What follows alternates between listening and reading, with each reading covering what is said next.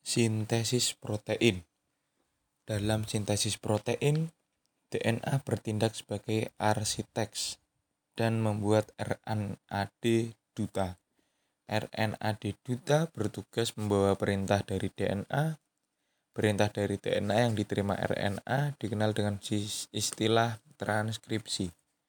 DNA yang melakukan transkripsi disebut DNA sense, sedangkan DNA yang tidak melakukan transkripsi disebut DNA antisense. Setelah RNAD mendapat perintah dari DNA sense, kemudian RNAD duta meninggalkan nukleus dan menuju ribosom dengan membawa kode yang disebut kodon oleh RNAT. Kodon akan diterjemahkan menjadi antikodon, kemudian RNAT mencari asam amino di sitoplasma sebagai bahan penyusun protein untuk dibawa ke ribosom. Setiap asam amino dikodekan oleh tiga